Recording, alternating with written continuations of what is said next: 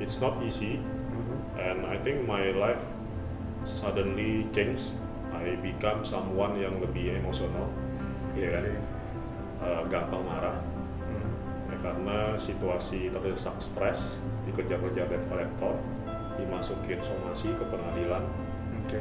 ya kan? tidur itu sampai teriak keringetan Selamat datang di podcast dari The Slice of Life X, podcast yang berbicara tentang kemajuan hidup di bidang finansial, investasi bisnis, dan strategi kehidupan bersama host Anda, di Ferdinand.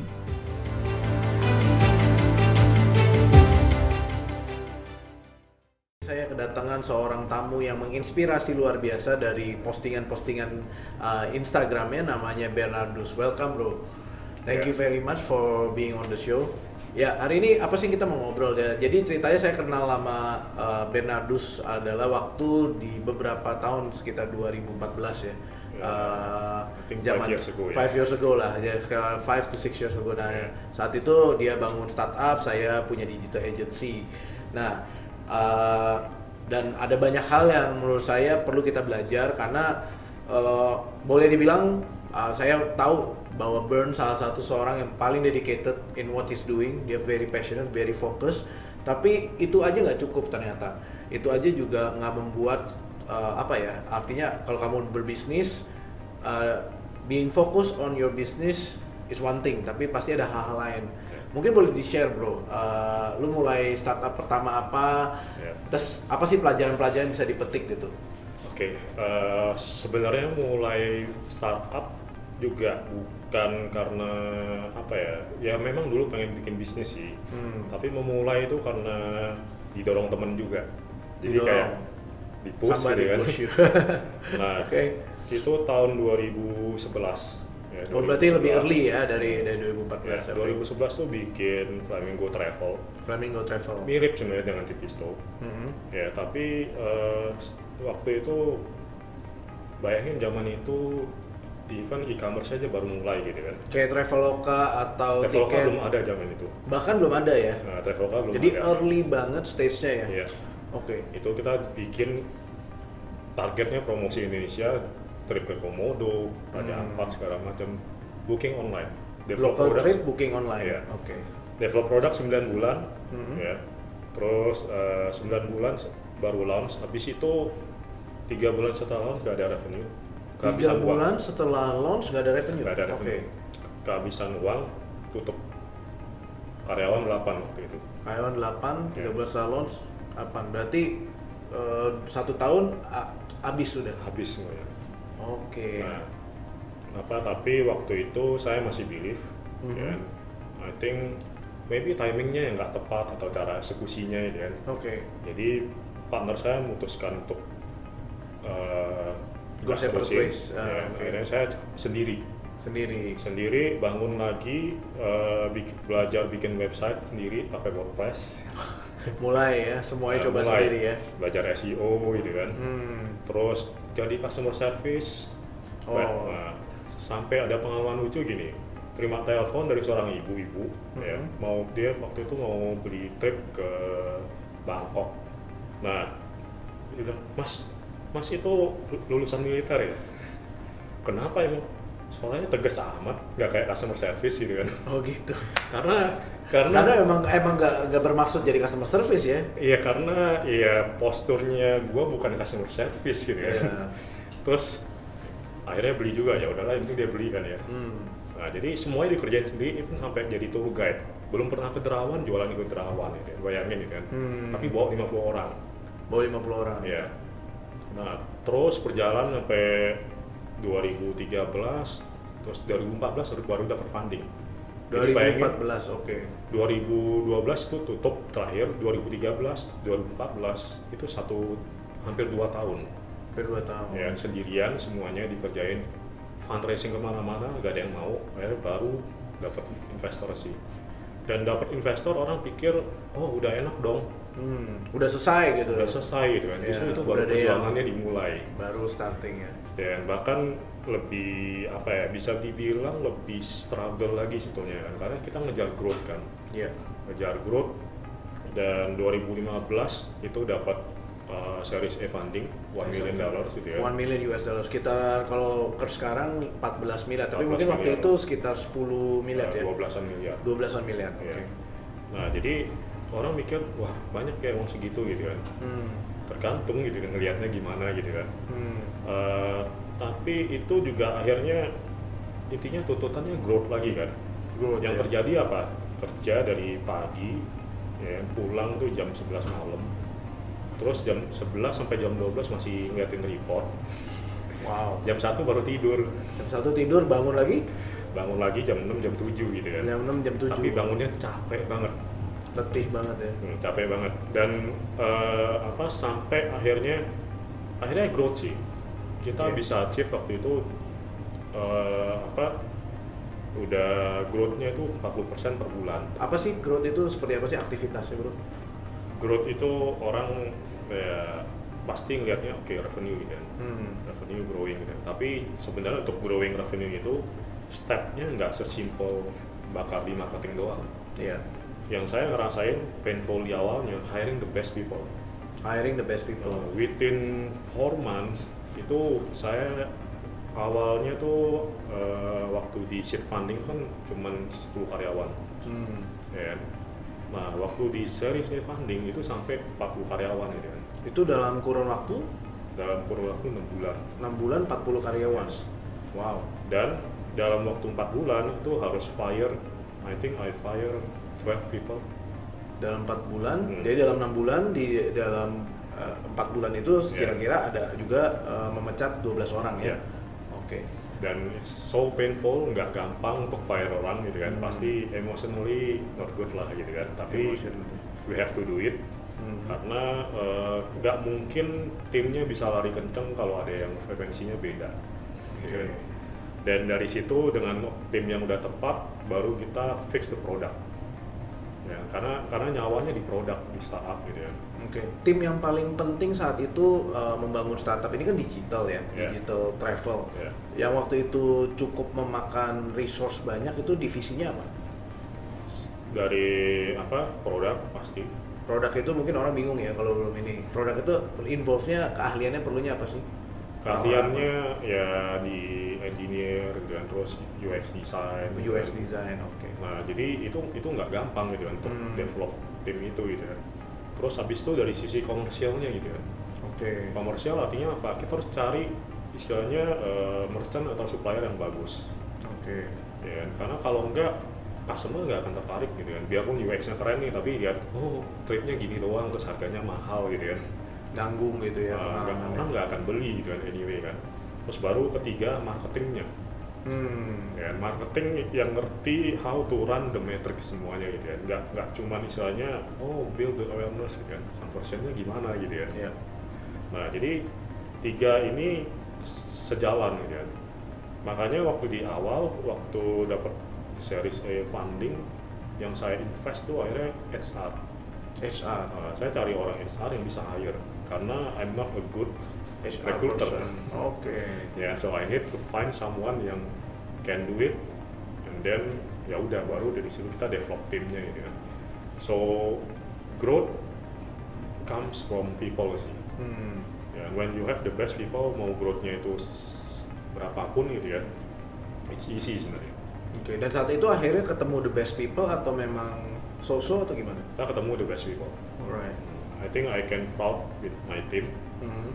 and I think uh, even mereka apa ya, they, they have a very special talent lah gitu kan.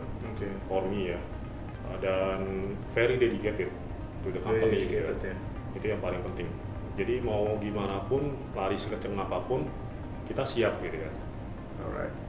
Nah, kultur kerja yang lo ciptain dengan sebegitu eh, besar kepadatan aktivitas Iya. tuh gimana lo ciptain kultur kerja yang sehat dan supaya anak-anak termotivasi termotivasi dan punya dedikasi tadi. ya pertama culture kita openness Openness. being open gitu kan kadang ini emang susah being, op- being open not easy gitu kan Hmm. apalagi kalau kita lihat kalau company terlalu open gimana ya karyawan tahu semuanya gimana ya Oke.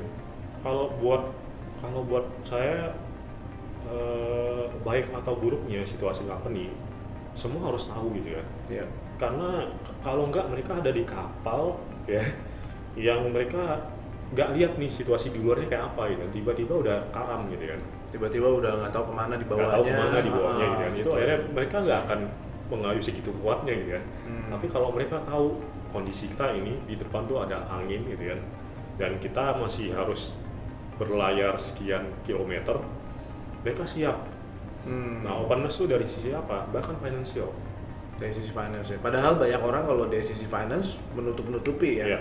Nah, ini malah dibuka. buka Alasannya? karena gini eh financial kalau nggak dibuka ya eh, sekarang gini kalau company public buka nggak finance-nya Pasti buka. pasti buka kan Hmm. if you want to be a great company be like that Ya, ya sesimpel itu sih ke public listed company ya. Iya. Ah, Oke. so kalau mau IPO I'm ready Hmm. because saya nggak nutupin apapun gitu ya ke karyawan pun ini expense kita sekian revenue-nya cuma sekian gitu ya Dan berarti apakah karyawan juga tahu struktur gaji satu sama yang lain? Dia bisa Gaji nggak, Gaji, gaji nggak. nggak, tapi Gaji cuma nggak. jadi lamsam aja ya. Iya. Oke. Apa sih kalau dari eh, pengalamannya Burn sendiri ngeliat industri travel saat itu kan pasti cukup banyak dan Iya. ada juga big travel brand yang udah old school boleh bilang brandnya udah lama Iya. banget puluhan tahun. Kok berani masuk? Kenapa? Apa yang lo tawarin di stage itu? Oke, jadi insight-nya gini, eh, dulu orang ikut trip itu kan lewat ini kan travel agent kan, Hmm. beli paket tour gitu Ya. kan. Tapi saya ngerasain kalau beli paket tournya travel agent yang besar, terus terang bosen gitu kan, gitu-gitu lagi kan ya, tahu sendiri lah it- itinerary-nya kayak apa segala Hmm. macam gitu kan. Yang paling menarik tuh justru datang langsung ke orang lokal. Oke. Tapi masalahnya nih nyari orang lokal yang bener itu susahnya bukan main. Ya kan? Makanya travel agent berfungsi sebenarnya kan. Hmm. Nah, Belum lagi komunikasinya itu harus bolak-balik kan. Entah WhatsApp lah, call lah, atau email lah gitu. Oke. Jadi nggak selesai. Ya. Nah, makanya waktu itu my dream what if you can push one button book it gitu kan Mhm. after you make sure kalau this is good gitu kan semuanya itinerary-nya segala macam gitu kan and then you pay and then just go jadi very seamless jadi membuang semua prosesnya nggak perlu itu gitu loh Oke. ya intinya di digital kan kita bikin sesuatu yang mudah dan Mhm. menyenangkan Menyenangkan. iya kan dan jelas ya transparan Iya. nggak ada ya kucing Yes. dalam karung lah ya yes oke dan dari pengalaman itu kan itu berapa lama sih berjalannya startup yang kedua ini Eh, sebenarnya total tuh 6 tahun sih untuk Trip Visto Eh, Tim Visto sebenarnya sa- sama Flamingo itu sama. sama company oh se- maksudnya se- secara keseluruhan ya tapi Iya. kalau dari yang baru yang tadi di funding itu berapa lama sebelum dia ngalamin kesulitan dan lain-lain 4 tahun sih. 4 tahun di tripnya Iya. sendiri. Iya. Nah, eh, tantangannya waktu itu membangun sustainable business. Buat lo apa sih waktu itu? Jadi waktu fase growth produk gitu kan. Hmm. Tapi begitu sustain finance. finance. Nah, jadi banyak kadang founder lupa gitu kan. Ya.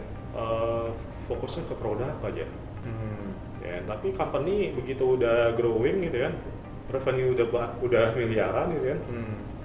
yang dilihat sebenarnya bukan cuma produk lagi your cash flow gitu kan kalau Cash cash, flow. flow-nya berantakan gimana bisa sustain ya kan? Jadi cash flow saat itu eh, belum belum terlalu rapi gitu ya. ya Dan akhirnya apakah cash flow juga itu yang yang menghentikan bisnisnya atau memang masih ada faktor-faktor lain?